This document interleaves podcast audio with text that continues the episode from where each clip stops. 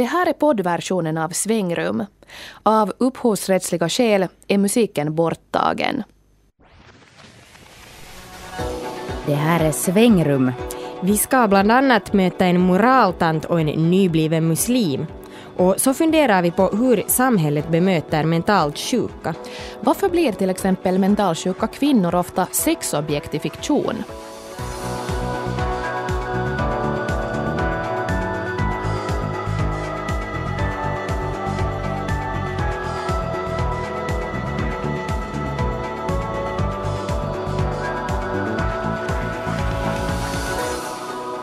Vad innebär det att vara normal? Och vem får kalla sig psykiskt frisk? Varför förklaras våldsbrott så ofta med mentala störningar och gör samhället fortfarande en koppling mellan galenskap och ondska? Vi får bland annat höra författaren Ann Heberlein som tycker att fiktionen har ett väldigt stort moraliskt ansvar för hurdan bilden av mental sjukdom är. Ja, bland annat det här och mycket annat också blir det i veckans svängrum tillsammans med oss Kira Schröder, Linda Grönqvist och Nanette Marie Forström. Och i Moralväktaren så får en avgående riksdagsledamot bland annat frågor om det moraliska i att köpa sex. Så det här med att köpa sex är ju väldigt, tycker jag, en väldigt bred, bred sak. Att om man gör det så att ingen egentligen upplever att de köper men pengarna har ändå påverkat så är det kanske inte moraliskt något fel i det. Hör alltså Janina Andersson från De gröna argumentera om moral och etik senare i den här sändningen. Och idag fortsätter vi vår serie där vi presenterar Svängrum-bloggarna. Ja, idag ska vi träffa två personer som har ändrat livsåskådning, nämligen Dimitri Gurbanov som har vuxit upp i ett grekiskt ortodoxt hem men som numera är ateist och så Milla Friman som har konverterat till islam. Till exempel det här ordet beslöjad tycker jag inte alls om eftersom folk tror att det är min man som jag inte har heller som har klätt på mig eller någonting dylikt. Men nu ska det alltså handla om hur samhället ser på mentalsjukdomar. Hur har det som vi betecknar som friskt och sjukt förändrats och hur bemöter vi människor med mentala problem? Vi ska börja vår diskussion om hur samhället ser på mentalsjukdomar med en pjäs som hade premiär i Helsingfors i fredags.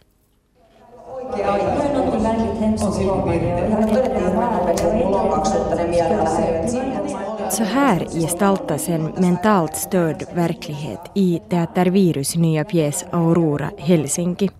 Den tvåspråkiga föreställningen baserar sig på intervjuer med mentalvårdspatienter, anhöriga och vårdpersonal.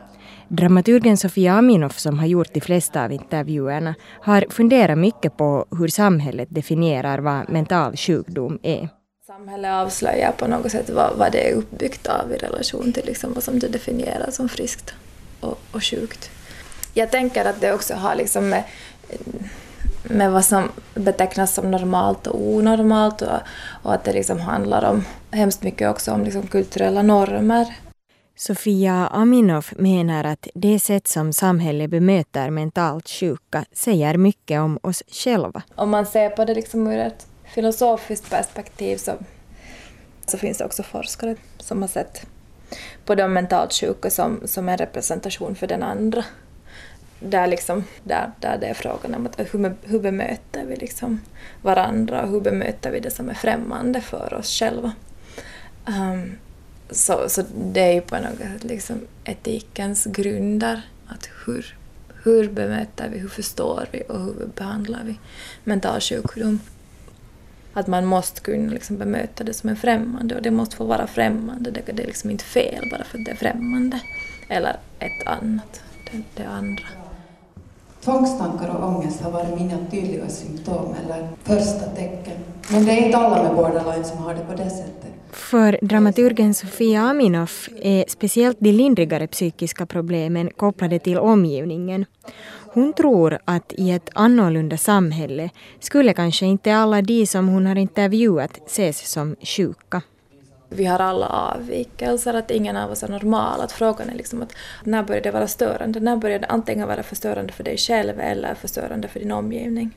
Och vad gäller samhället så, så är det ju helt klart att det handlar om att, att kan, du, kan du ha sociala relationer, kan du arbeta, kan du gå i en matbutik och köpa mat, Och kan du sköta om ett hem? Att, att det kan liksom, plötsligt så kan det liksom hänga på, på egentligen saker som man annars tycker är trivialiteter. Jag träffade en läkare och han lyssnade på mig och skrev en brådskande remiss till Esperia. Men sen så visade det sig att, jo, men att Esperia är stängt. För många av dem som Sofia Aminoff har intervjuat är mentalsjukdomen hopplöshetens landskap. Samtidigt säger hon att intervjupersonerna ofta förvånade henne med sin humor. Om jag tänker på de här människorna som jag har mött så det är ju jätte, alltså insiktsfulla människor. Um, och jag tror att, att det att de har liksom lidit av en, av en allvarlig mental sjukdom så, så har ju liksom de har fått anledning till och varit tvungna att reflektera över sitt jag och över livet och samhället på ett annat sätt än, än kanske människor som inte är sjuka på det sättet eller som inte alls är sjuka har liksom haft anledning till. Så jag menar den här liksom klichén, och den är nu en gammal kliché, men klichén om dårar, så den stämmer ju alltså inte. Det här är otroligt kloka och insiktsfulla och djupa människor. Och roliga människor. Vad finns då kvar av den klichébild som Sofia Aminoff talar om? Hur har samhället sett på människor med mentala problem och vad är läget idag? Jag frågar överläkaren vid Helsingfors centralsjukhus psykiatriska klinik Björn Appelberg. Man har betraktat turvis eh, mentala sjukdomar eller sinnessjukdomar som vilka andra sjukdomar som helst, för man antar att ha haft en organisk grund. Och tidvis har man betraktat dem som moraliska problem.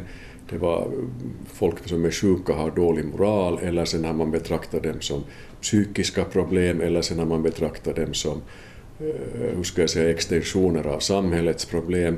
Och det här har gått i vågor av och an.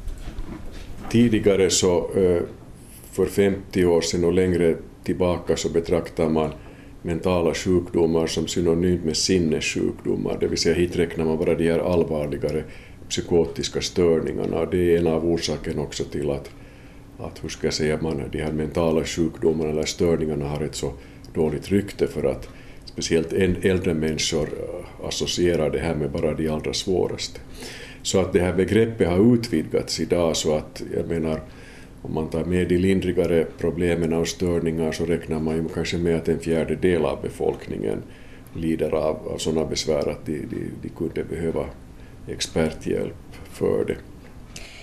Varför tror du att mentala sjukdomar fortfarande så ofta kopplas ihop med, med skam och skuld? Eh, det har att göra säkert med, med det här eh, arvet. Är det frågan om sjukdomar eller är det frågan om, om någonting annat? Är det frågan om det här någonting annat så kan man delvis ta en förklaringsmodell där man så att säga gör den sjuka själv skuldfri genom att säga att det är inte du utan det är samhället eller det är din familj eller det, det är det ena eller det andra sådana här syndabockar som man då hittar utanför.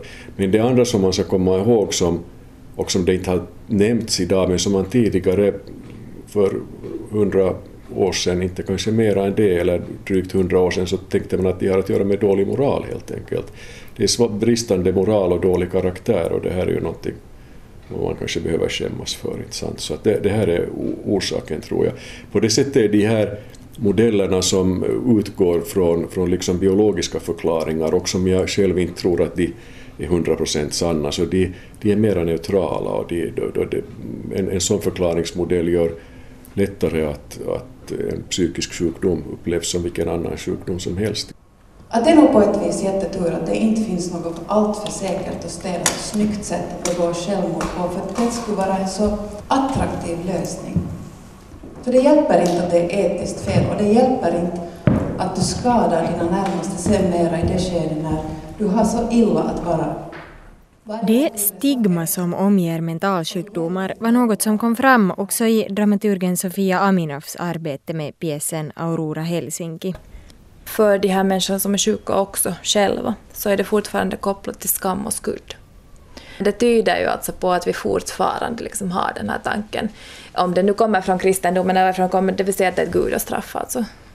Och att det är en stor skam. Så på det sättet så är det ju fortfarande, alltså liksom i sitt symbolvärde så är det nog knutet till liksom djävulen. Men, men sen vet jag inte, liksom, jag tror inte att, att, att de här människorna framställs liksom i samhället som onda människor. Men, men kanske liksom svaga människor och kanske svaga människor liksom är dåligt i vårt samhälle. Trots att Aminoff inte gör det är det vanligt att man i fiktionen kopplar samman mental sjukdom och ondska. Men kopplingen görs också i verkliga livet, som när en anonym psykiater i Helsingin Sanomat i veckan karaktäriserade Libyens president Muammar Gaddafi som galen efter hans grymma agerande för att krossa upproret i landet. Tar vi alltså alltför lättvindigt till ord som galenskap när vi vill förklara onda handlingar? Så här säger psykiater Björn Appelberg. Själv tror jag nog inte att man kan och inte heller ska förklara all ondska med psykiatriska termer. Det finns nog någon ondska eller elakhet som ligger utanför psykiatrin. Ibland ser man inom den här debatten i Finland, till exempel vid, vid våldsbrott och mord och så vidare, så tenderar man att försöka förklara, förklara till exempel när det är frågan om uppseendeväckande historier som skolskjutningar och sånt här så vill man söka liksom orsaken och hitta förklaringarna och så vidare. Och, och det, det, här är inte eh, långt ifrån alltid görligt, eh, det där med psykiatriska metoder eller med de modeller som vi har till förfogande. Och då tycker jag att också som psykiater så ska man ärligt medge att det här är saker vi inte kan förklara med dagens psykiatriska Eh, det där förklaringsmodeller om man överhuvudtaget bör fråga sig att, att hör de här sakerna överhuvudtaget till psykiatrin.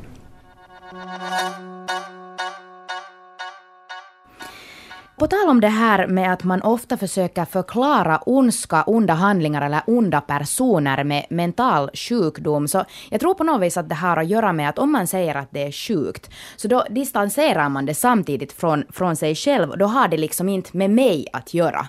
Mm. Och då är det liksom som att om det inte har med mig att göra så då finns det ingenting, då finns det ingenting ont inom mig. Och ändå är det ju helt självklart på något sätt att alla människor är kapabla till onda handlingar under vissa förutsättningar. Uh, till exempel den tyska uh, filosofen Hanna Arendt har ju talat om det här med den banala ondskan där hon just på något sätt har försökt särskilja mellan onda, onda handlingar och onda människor och menar att många av de mest groteskt onda handlingarna i, i världshistorien har utförts utförts av människor som inte har varit så hemskt annorlunda än det omgivande samhället.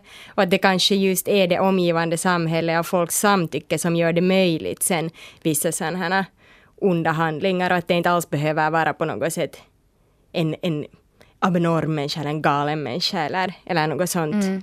Jag tror framförallt att det är ganska lätt att manipulera människor till att göra onda handlingar. Jag tänker till exempel på barnsoldater i Afrika som inte är onda från början och som man inte kan förklara med att de från början skulle ha haft någon mental sjukdom. Ändå är det bevisligen lätt att manipulera dem till att utföra onda handlingar. Så att det här ska man inte underskatta. Men eh, nu ska vi träffa en författare vars senaste bok faktiskt handlar just om ondska, nämligen etikforskaren Ann Heberlein. Ja, hon är kanske mest känd här i Finland för boken Jag vill inte dö, jag vill bara inte leva. Och den handlar om Ann Heberleins egen bipolära sjukdom. Vi frågar henne om hon tycker att samhället gör en koppling mellan mental sjukdom och ondska. Det, tror, det, det tycker jag nog eh, att det är väldigt tydligt, inte minst i fiktionen. Där eh, Eh, Eh, mördaren eller pedofilen eller kannibalen just ofta eh, förklaras med psykisk sjukdom, med psykopati och så vidare. Ehm, om vi ser, om vi försöker titta på detta empiriskt, så för det första måste man säga att den stora majoriteten psykiskt sjuka människor är inte farliga för någon annan än för sig själva. Det är ytterst få psykiskt sjuka människor som är våldsamma. Eh, om vi ser på de människor som är dömda för våldsbrott så finns det en, en ehm, statistiskt säkerställt att ett antal av dem lider av det som man kallar sociopatisk beteendestörning. Eh, de är alltså inte deprimerade eller manodepressiva eller schizofrena utan de har sociopatisk personlighetsstörning. Störningar och sjukdomar är inte samma sak. Va? Eh, det som däremot väldigt ofta finns i eh, situationer av våld, övergrepp och misshandel, det är alkohol. Det talar vi mindre om. Det är liksom mm. mer gångbart att i media föra fram bilden av att det är en ensam galning på något vis. Att istället ofta handlar om att folk super för mycket, det är inte lika ehm, eh, liksom, eh, comme il faut, för det vill vi inte riktigt ta i. Eftersom vi alla ju vill njuta av ett glas vin då och då. Om du tänker på filmer eller fiktion som handlar om mentala sjukdomar, kan du liksom känna igen skildringen av personer som lider av det? Jag måste säga att, att, att det är inte så ofta som jag tycker jag känner igen mig i skönlitterära skildringar. Jag har haft väldigt stor glädje av texter av eh, Virginia Woolf och Sylvia Plath, Jean Amery och, och, och, flera andra människor som själva har brottats med ångest eller självmordstankar. Det har jag haft väldigt stor glädje av när jag själv har mått dåligt. Att kunna identifiera men också förstå att de här tankarna är inte jag ensam utan det är tankar som finns hos många människor. Men sen liksom hela den här gökboet-genren eh, där man använder psykisk sjukdom mer som en metafor för människans existens är väldigt svårt för. Eh, den som har varit på en psykiatrisk klinik, antingen inlagd eller arbetat, vet att det sällan är sådär väldigt eh, festligt och excentriskt på en psykiatrisk klinik. Alltså jag tycker det odlas också någon slags mytbild av psykiska sjukdomar som något som är oerhört intressant och extrovert och sådär. Eh, och det finns ju också naturligtvis en, en en, en, en bild som, som odlas i kulturen av den psykiskt sjuke som någon som är hyperintelligent liksom. Att, att galenskapen gränsar till geniet på något vis. Och det där har jag lite problem med måste jag säga. Eh, just nu så pågår en, en mycket uppmärksammad uppsättning i Stockholm som heter Bli en dåre. Där eh, Teater Giljotin inbjuder publiken att skriva in sig då på en klinik som de har byggt upp. Och sen så skådespelarna är då vårdpersonal och patienter. Och eh, en del av publiken blir patienter och andra blir då vårdpersonal. Och så ska man då dväljas där i detta och då eh, leka att man är mentalsjuk. Eh, alltså tanken på att man istället skulle skrivas in på en cancerklinik. Eller att man i 48 timmar skulle låtsas vara hiv-sjuk. Det känns inte alls lika roligt. Och det där undrar jag över varför det är så lätt att att liksom, eh, vad ska man säga, rationalisera bort det lidande som psykiskt sjuka människor känner. För det är inte alltid festligt och kreativt att ha ångest. Att ha ångest är ett stort handikapp för oerhört många människor. Och jag menar att, att kulturens liksom omhuldande av psykisk sjukdom som något som är kreativt och något som spränger gränser påverkar naturligtvis också hur vi ser på psykiskt sjuka. Som någonting som inte är riktigt lika sjukt eller riktigt lika eh, plågsamt som att till exempel bryta ett ben eller ha cancer eller lida av diabetes. Och jag menar att det behöver inte vara mer dramatiskt än så. Och jag brukar jämföra min sjukdom med att ha epilepsi eller vara diabetiker. Att det är en sjukdom som begränsar mig på vissa sätt men om jag lever på ett bra sätt, om jag medicinerar och så vidare så hanterar jag mitt liv väldigt bra. Så märkligare än så är det inte. Eh, vilka liksom, moraliska, eller vilket moraliskt ansvar på något sätt anser du att då de som försöker göra till exempel pjäser om det här ämnet eller skriva böcker som då inte kan tala av egen erfarenhet, vilka liksom sådana här frågeställningar borde de tänka på? Alltså jag, jag, tror att man kan eh, skriva och tänka och gestalta allt, inte bara det man har egen mm. erfarenhet av naturligtvis. Och ibland är det kanske till och med så att, att, att de som inte har en egen erfarenhet av saker och ting kan vara bättre skickade. Men jag menar att man alltid har ett moraliskt ansvar därför att jag tror, eller jag är övertygad om, att fiktion också påverkar hur vi betraktar vår verklighet. Att ibland så tar vi fiktionen för en spegling av verkligheten. Och fiktionen strävar efter det naturligtvis, att spegla verkligheten. Att upphöja verkligheten på något sätt. Och då måste man vara medveten om att de bilder som mm, inte minst odlas det mytbilder av, av den galna kvinnan. Vi har till exempel Betty Blue som ett tydligt exempel. Vi har den här kvinnan i eh, Farlig förbindelse, den här Basic Instinct. Alltså alla de här galna kvinnorna som är oerhört vackra och de är sexiga och de är aggressiva, de har en våldsam sexuell aptit men de är också farliga. Alltså det är ju en, en, en bild som finns på hur många platser som helst. Och det påverkar naturligtvis synsättet eh, hur vi sen bemöter kvinnor som då lider av psykiska sjukdomar. Att det finns vissa förväntningar och föreställningar.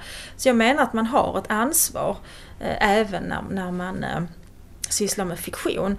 Därför att man, man, man, man sysslar med att skapa föreställningar. Det är på något vis det som också är kärnan i eh, Eh, att skriva eller att gestalta. Att man vill skapa en föreställning. Men den föreställningen menar jag påverkar ju också hur vi sen tolkar det som verkligen finns. Och mer av Ann Heberlein kan ni höra i programmet Muntur på FST5 den 21 i tredje när hon talar om ondska. Ja, Heberlein talar ju här om det här moraliska ansvaret som fiktionsskapare har. Och det framkommer faktiskt också i forskning som bland annat en sån här amerikansk psykologiprofessor som heter Otto Wahl har gjort. Han har skrivit en bok som heter Media Madness och där säger han bland annat att, att de flesta människor bygger sin bild av vad mentala sjukdomar är just på basis av fiktion och media. Och han menar menar att där så skildras mentalsjukdomar ofta direkt felaktigt och om inte det så åtminstone ganska övervägande i ett negativt ljus. Mm. Och vi tog ju avstamp till den här diskussionen om synen på mentala sjukdomar och hur de porträtteras i Teater Virus nya pjäs Aurora Helsinki. Och vi hörde Ann Heberlen tala just om uh, sådana här galna, sexiga kvinnor och den klichén. Tyckte ni att man såg av den i Viruspjäs? No, man kan ju före vi går in på det så kan man ju bara eh, poängtera det att manusförfattaren Sofia Aminoff, eh, det kom inte med här nu i intervjun, men hon, hon sa nog det att hon är mycket medveten om den här klichébilden och att hon inte tycker om den. Och hon tycker inte om den här romantiseringen av mentala sjukdomar som man ofta ser i, eh, i fiktionen. Och det kan ju hända att, att just den här, att de har valt den här dokumentära metoden att arbeta på, att de har intervjuat levande levande människor och sen försökt hålla deras historier intakta. Att det på något sätt är ett sätt att hantera, handskas med de här klichéerna och försöka undvika dem. Mm. Mm. Jag tycker att, att man kanske inte såg så mycket av de här äh, galna sexiga kvinnorna faktiskt i den här pjäsen som jag uh, på förhand var kanske till och med lite rädd för att, att jag skulle möta i den här pjäsen. Så, så jag tycker faktiskt att man inte hade tagit i det greppet så ofta. Nej, men i och för sig när jag tänker på det så var ju alla som porträtterades där kvinnor. Men att längre än det tycker jag inte att man gick. Förutom om man tittar på planschen för själva teatern. Mm. Så där är det just en sån här ung kvinna i ett litet genomskinligt linne som står i duschen och ser sådär sårbar och... Ja, så här vått stripigt mm. hår och lite så här galen ja, blick. Och samtidigt väldigt vacker. Att, att där kanske man gjorde det, men att med tanke på den här förhandsmarknadsföringen mm. så såg man um, överraskande lite av dem i pjäsen, tycker jag. Ja, den här kvinnan på planschen, så, hon fanns ju sen då inte ens med i själva pjäsen. Mm. Men den som eh, vill höra en mera, eh, hur ska man säga, eh, kulturell analys av den här pjäsen som konstnärlig produkt, den kan lyssna på recensionen som kommer i Kulturtimmen på tisdag kväll. Programmet du lyssnar på är Svängrum och det är alltså Radio Vegas livsåskådningsmagasin.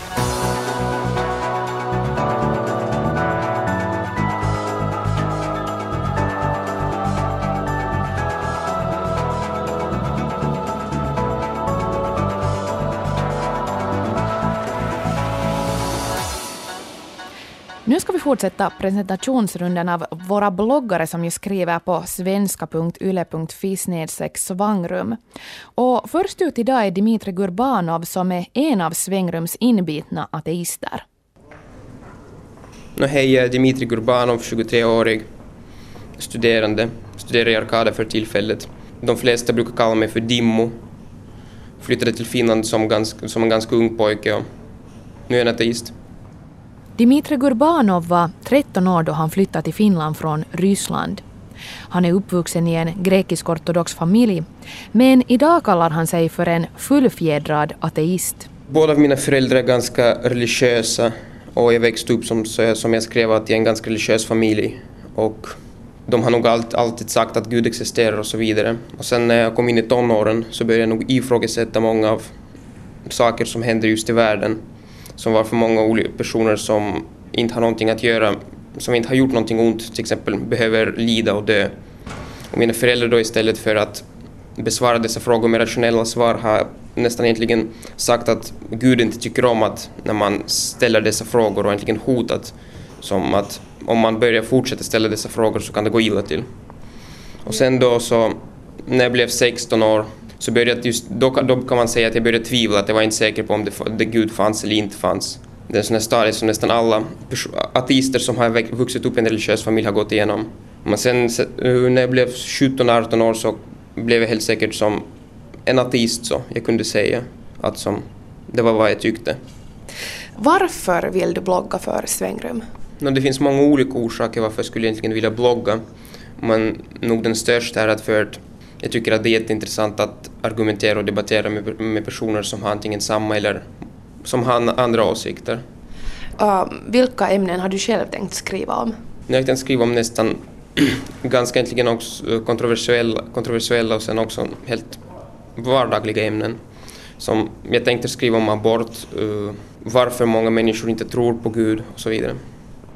Dimitris blogginlägg hör ofta till de mest kommenterade på Svängrumbloggen. Hans inlägg om agnosticismens naivitet har vid det här laget till exempel redan närmare hundra kommentarer. Jag tycker som att internet är ett ganska bra verktyg just för, av den orsak. Många människor känner sig mycket som av, mer avslappnade på internet och egentligen man inte behöver skriva med sitt namn. Och det är vad jag tycker som egentligen att folk uttrycker sina åsikter mycket, mer, mycket bättre då när de inte vet att det finns så mycket press på det som att alla vet precis vem du är och det som man kan se face to face. Hur gör du själv när du uh, diskuterar med någon som um, har helt olika åsikter uh, jämfört med dig själv? Hur, hur, ser du till så att det liksom blir en konstruktiv och bra diskussion? Vanligtvis brukar jag vara ganska kraftfull i vad jag säger som att de flesta människor som har argumenterat eller debatterat med mig brukar säga att jag är ganska kraftfull som min, när jag framför mina åsikter. Men som, det är viktigt att man framför saker som är rationella. Jag tycker inte om att använda mig av emotionella argument. Jag tycker inte om att man börjar anklaga den andra personen för, ja, att man börjar attackera den andra personen istället för att attackera hans argument. Jag tycker om att ha en ganska som strukturerad debatt. Hur tror du att du kommer att uh, reagera om människor tycker att uh, du har fel i, i det du skriver? Det är ganska vanligt när det gäller just mig för att jag menar jag brukar komma i många situationer då det blir såna win-loss diskussioner. Men jag inte tycker som om, om folk inte håller med med mig så är det bara som det är deras åsikt. Inte kan man göra någonting åt det.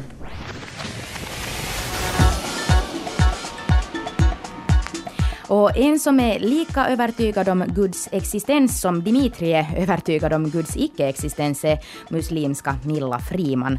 Hon skriver själv på Svängrumbloggen att hon tidigare ifrågasatte alla och allting, men sen när hon kom i kontakt med islam så föll pusselbitarna plötsligt på plats. Hon skriver eh, bland annat så här. Islam är perfekt man behöver inte tillägga något eller ta bort något. Islam ändras inte som kristendomen. De lagar och levnadsregler som getts åt oss i Koranen och i profetens, inom parentes SAWS, slutparentes, sunna gäller ännu idag. Ja, det här med SAWS, så det är då en förkortning som man ofta använder, muslimer ofta använder när de pratar om islam och profeten Muhammed och det betyder då allas frid och välsignelse var över honom. Mm, hur som helst så, det här med att tycka sig ha en perfekt livsåskådning har orsakat en hel del debatt på vår blogg, så gå gärna in och läs själva. Vi ska i alla fall nu träffa Milla personligen. Jag träffar Milla Friman i ett köpcentrum i Vasa. Milla som idag är lite på 20 år började intressera sig för islam i gymnasiet och är idag muslim. Hur hon kom fram till sin tro har hon skrivit närmare om på sin blogg. Men jag frågar henne i alla fall.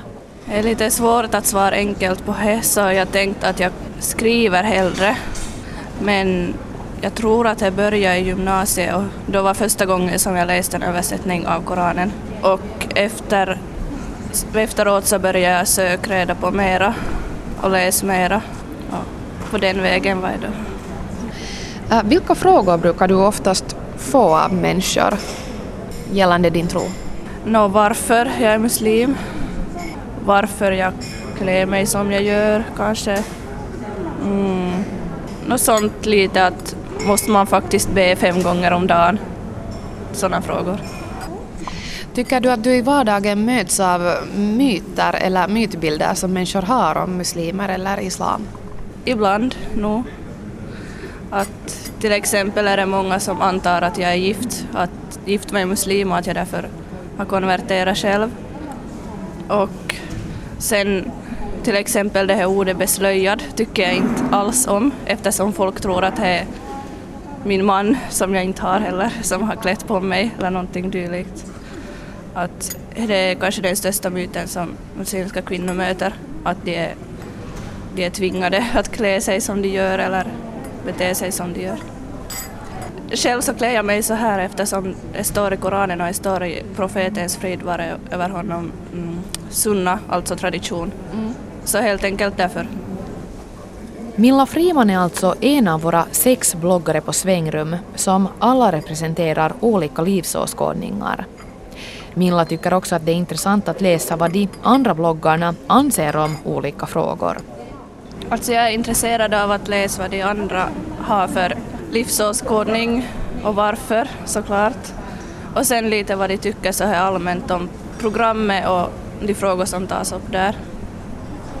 Vad har du själv tänkt skriva om?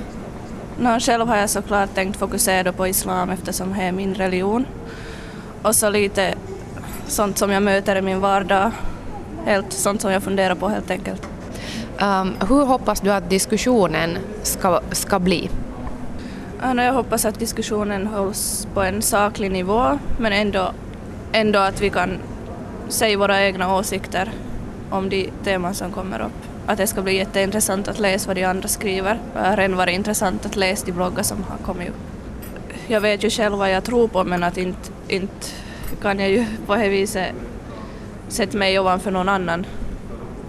Utan jag måste ju skriva bara, det som jag skriver är ju min åsikt.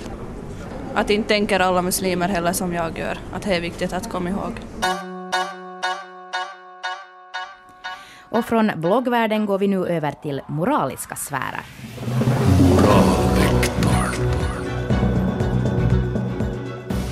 I Moralväktaren ställer vi etiska och moraliska frågor till samhälleligt intressanta personer.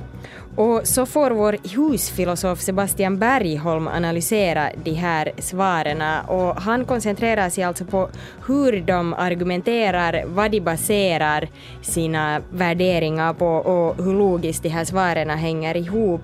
Och tanken är alltså inte att avgöra om, om de här svaren är politiskt korrekta eller vad som är rätt och fel. Och på basis då av hur logiskt och väl argumenterat det är så får man poäng på en skala från 1 till 5.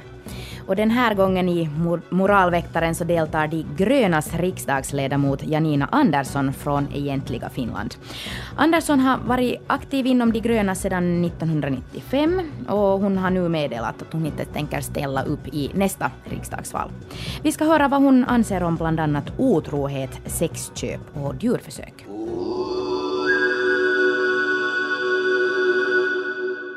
Ja, Janina Andersson, du ska delta i Moralväktaren. Hur känner du inför den här uppgiften?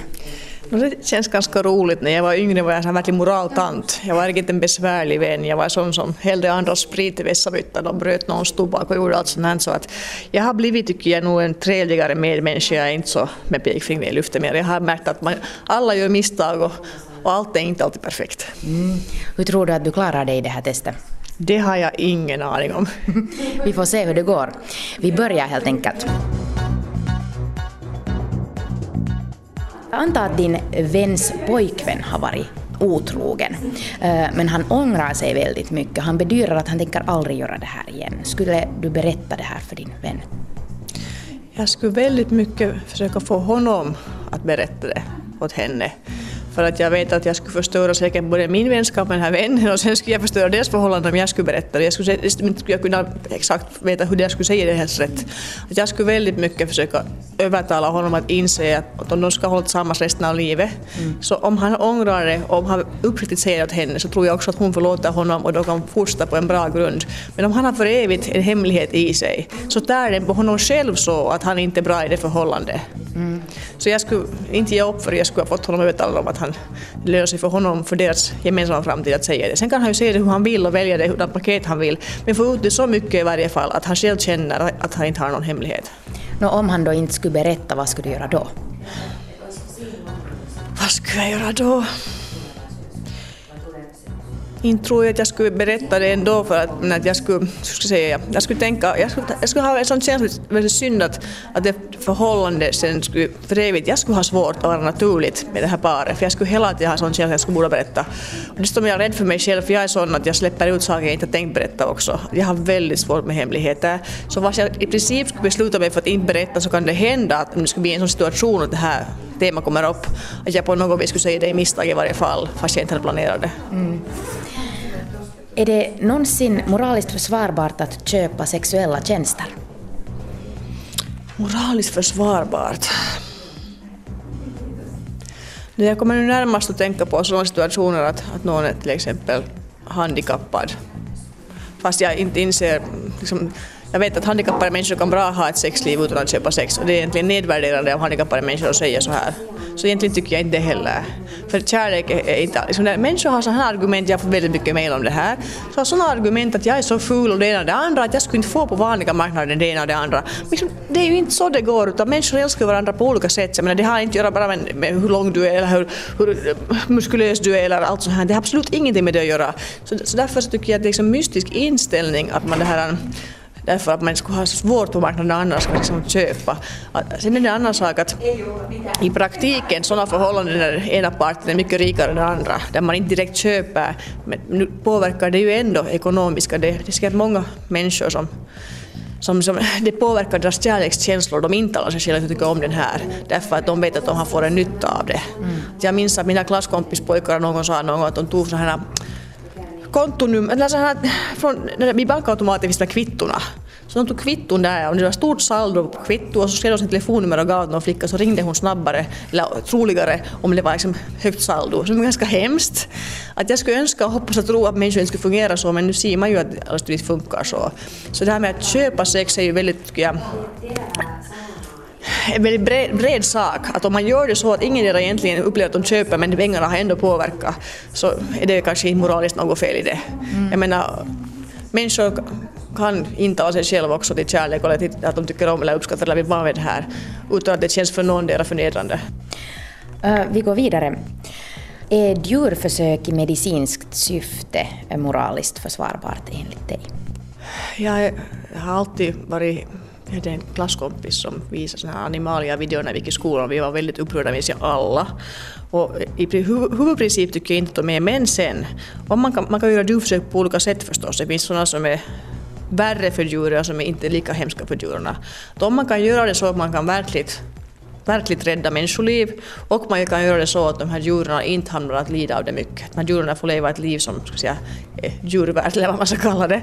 Så att, de, att, att, de, att deras liv inte är så stor skillnad från vad de skulle kunna leva annars. Om man tar hand om dem och sköter om dem och de inte får något hemskt lidande. Men det här är säkert en väldigt svår sak att få ihop, att gå ihop. Och det är det att om det finns något som helst alternativ hur dyrt som helst så ska det alltid gå i första hand. Mm. Och jag tror att i nu för tiden så är teknologin kommit så långt att det finns oftast alternativ som man kan göra på något annat sätt än att ett levande djur ska måste lida. Mm. Att man kan göra det på något celler eller man kan odla någonting eller något annat. Så därför så börjar den här liksom försvarbarheten minska för varje dag som går.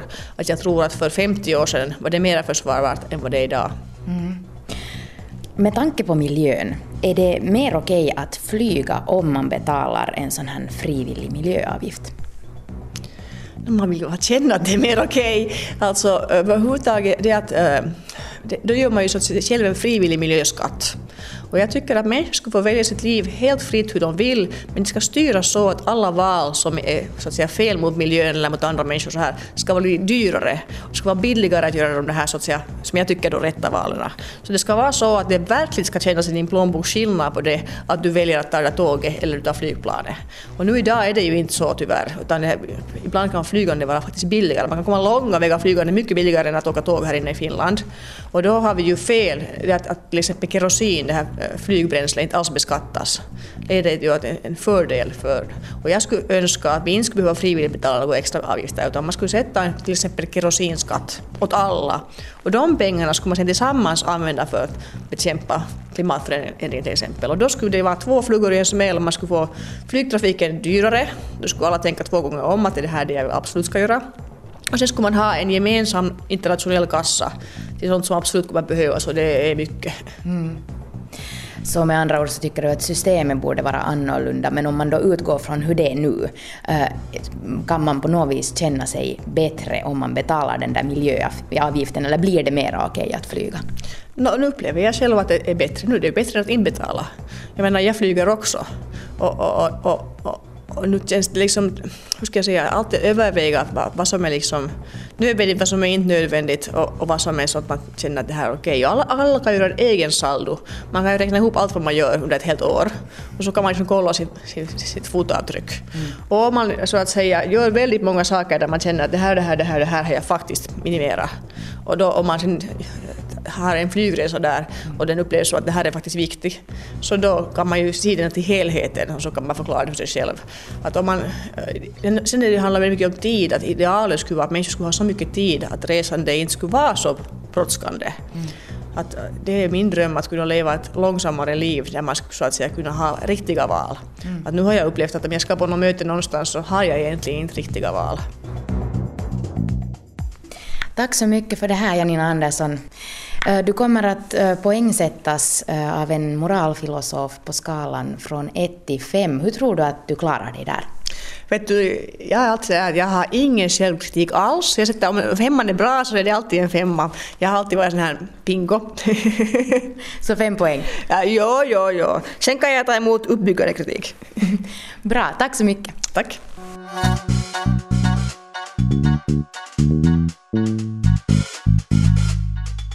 Vår husfilosof Sebastian Bergholm, du har lyssnat på Janina Andersson, riksdagsledamot från De gröna, som har argumenterat i olika frågor. Vad anser du om hennes argumentation? No, jag anser att den är sympatisk, att den bär spår av henne som person, eller det som jag antar vara eh, henne som person, och, och ganska pragmatisk. Ibland eh, så kanske den inte är helt rotad i, i, i klara idéer eller moralteorier. Mm. Om vi tar den första frågan, den handlar om otrohet och huruvida hon skulle berätta för sin bästa vän att, att hennes man har varit otrogen. Ja, här är hon ju väldigt praktisk. Dels känner hon sig själv i och med att hon konstaterar att hon har svårt att inte, jag menar, låta saker slinka ur henne. Och det här är ju ingenting som har någonting med moral att göra. Det, det är sånt som hon är. Men om det är rätt eller fel att berätta så hänger ju inte ihop med det. Man kan ju konstatera att, att hon bollar över eh, ansvaret på den här mannen. Hon säger att han borde berätta och så om han berättar så är ju allt bra. Men sen om hon har sagt, försökt få honom att berätta och han inte berättar så då ställs hon ju inför en ny moralisk situation där hon måste ta ställning till hans icke-berättande så att säga och fundera på att borde jag nu berätta? Och här tycker jag inte att hon kommer så mycket vidare för att hon säger att hon ändå inte skulle berätta. Men varför hon inte skulle göra det så blir tycker jag lite oklart. Hur är det då i den här frågan om sexköp? Hon börjar ju på en viss tråd som hon sen eh, lägger ner där hon konstaterar att det är nedvärderande till exempel att tänka sig att då handikappade, att det skulle vara så synd om dem att de skulle måste köpa sex. Det, det gör hon helt rätt i. Och sen får hon ett intressant eh, resonemang om, om rikedom och, och, ekonomi som en del av folks känslor, att man kan bli förälskad i folk som har mycket pengar och att det kommer ganska nära prostitution eller det finns vissa likheter där som man kanske väljer att inte uppmärksamma. Och det är ju sant att det spelar in på hur man förstår begreppet prostitution som sådant. Men sen tycker jag att hon kanske ändå inte rör sig mot det mest brännande, alltså just frågan om människor som är utsatta som tvingas sälja sex och hur man på något vis ska beakta dem när man besvarar frågan om det är rätt eller fel att köpa sex. För att det är ju på något vis ändå det det handlar om. Och sen har man ju också det här andra scenariot, alltså när så att säga fria människor i samtycke går med på att ena köper och andra säljer sex. Det är ju sen en annan situation som inte har någonting att göra med till exempel människohandel och så här. Och man får hålla tungan ganska rätt i munnen tycker jag när man diskuterar en sexköpsfråga för den har så många element. Janina Andersson väljer nu en, ett av de här elementen på ett intressant sätt men att jag kanske skulle hoppas att hon skulle ha rört sig lite mot just det här utsatthetsspåret. för att det är ju nog kanske det som är viktigast också för en politiker att tänka på. Hur ska vi skydda de svagaste i samhället och så här. Mm. Ja, hon gör inte den mest typiska kopplingen där. Men hur tycker du då hon klarar sig i förhållande till um, test på djur? Jo, här är jag lite tveksam. Eh, del, del, dels tänker jag ju mig att hon gillar djur. Hon, är, hon, hon, hon, säger ju själv att hon upprördes över någon sån här djurtestvideo av, vad det nu, Animalia, som hon hade sett. Eh, och jag menar hennes parti kör ju hårt på frågor om, om djurens rätt och, och förhållanden. Och gott så, men, men frågan är ju sen på vilket sätt man ska fundera på djur som moraliska varelser eller på vilket sätt kommer de in i våra liv som moraliska varelser. Eh, jag kanske tycker att man kunde diskutera vilken roll djur har i våra liv, vilken roll ett husdjur har, har i våra liv, eller hur man ska förstå testdjur, eh, för att få syn på varför de är viktiga för människor eller varför man betonar deras känslor eller betonar att de inte ska lida. Jag menar det, det är förstås självklart att djur lider av, av sådana här test och, och, på många andra sätt också och att det är någonting som, som vi gärna ska undvika. Och, och, och hon betonar ju det här lidandet väldigt starkt och, och då kommer man in på en sån här filosofisk, eh, moralfilosofisk tradition som utilitarismen där man alltså tycker att, ja kort och gott, en rätt handling en sån som minimerar lidandet i, i världen och har så mycket positiva lyckoeffekter, sådär karikerat beskrivet, att göra som, som konsekvens. Men frågan är ju förstås om det är tillräckligt. Och, och hon betonar ju då att, att man ska göra allt för att undvika lidande till varje pris också om det kostar mycket. Men jag är inte helt säker på att det bara handlar om lidande, om att lidande är det som man ska fokusera på, utan det är ju säkert inte så att, att man tycker att det är samma sak om ens husdjur lider som att en torsk lider.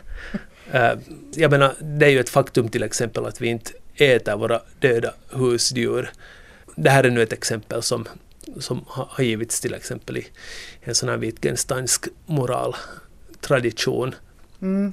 Det är skillnad på djur och djur alltså, men blir hennes svar mera nyanserat när hon är så att säga på hemmaplan, Janina Andersson, och talar om miljöfrågor, om det är mera moraliskt okej att flyga om man betalar extra? Jag tror att hon nog sätter fingret på uh, vad det handlar om, alltså ens eget samvete, en medvetenhet om att att det är problematiskt att till exempel då flyga ur miljösynpunkt. Uh, jag tycker att att hon gör en bra koppling eh, där hon för in tid eh, i förhållande till ens val. Det, det fördjupar det här resonemanget. Och så tycker jag att hon har en helt bra sån här idé om att eh, ja, människan ska få välja fritt eh, och att rätta val ska vara billigare än felaktiga val. Men sen är ju en fråga om, om människan kan enas om vad som är rätt eller fel val.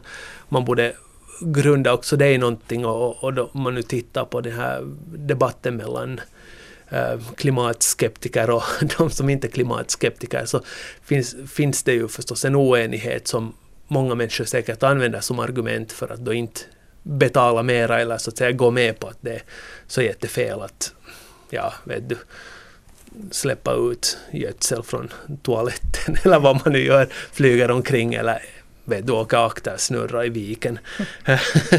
det där.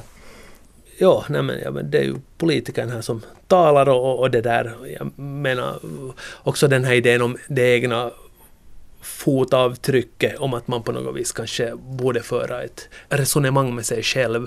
Är det viktiga inte att betala någon sån här bra samveteavgift åt någon miljöorganisation? Hon var ju väldigt självsäker, Janina Andersson, men hur tycker du att hon klarar sig överlag? No, inte tänkte jag nu ge henne en femma, men jag tycker att hon klarar sig ganska bra. Ibland var hon kanske lite för praktisk.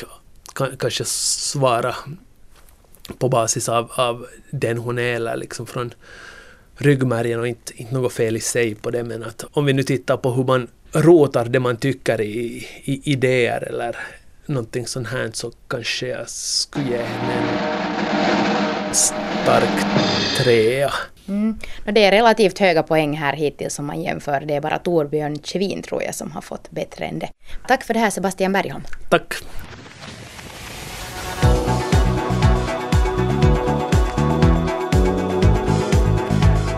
För de lyssnare som tycker att det här icke-religiösa livsåskådningsprogrammet har handlat alldeles för mycket om religion så kan vi meddela att nästa vecka så blir det ateism och skepticism för hela slanten. Ja, nästa vecka ska Svängrum nämligen handla om ateism på nätet. Och vi ska bland annat träffa den amerikanska musikern och podcastvärden George Rabb som ägnar en stor del av sin tid åt att sprida ateismens budskap både då via sin musik och, och den här podcasten och ganska ofta med humorn som redskap. This is great. Okay. Jag heter George Rabb och jag lyssnar alltid på svängrum. Ah! Och så frågar vi oss också varför skeptikerkretsarna är så mansdominerade. Och på nätet så figurerar också nästa veckas gäst i Moralväktaren och det är årets finlandssvenska bloggare Linn Ljung som bland annat talar om skönhetsoperationer. Jag skulle ju aldrig i mitt liv göra så eller önska så. det skulle jag aldrig önska så åt mina barn till exempel, men att blir man lyckligare av de, världens största bröst eller världens smalaste midja så fine, alltså gör det om det, gör det om det faktiskt på riktigt gör dig till en lyckligare och snyggare och blir du en bättre om du känner att du blir en bättre människa så varför inte liksom. Mer om allt det här alltså nästa vecka, för nu är det dags att tacka för oss och vi som har suttit här i studion är Linda Grönqvist, Anette Marie Forsström och jag är Kira Schröder. Skicka oss gärna e-post, då är adressen svangrum.yle.fi eller sen helt fysiska brev på adressen svängrum postbox 61 00024 rundradion. Och vi finns också på Facebook, gå med i svängrumgruppen där. Men nu är det alltså slut för den här veckan och vi ses igen nästa vecka. Hej då! Hej då! Hej då!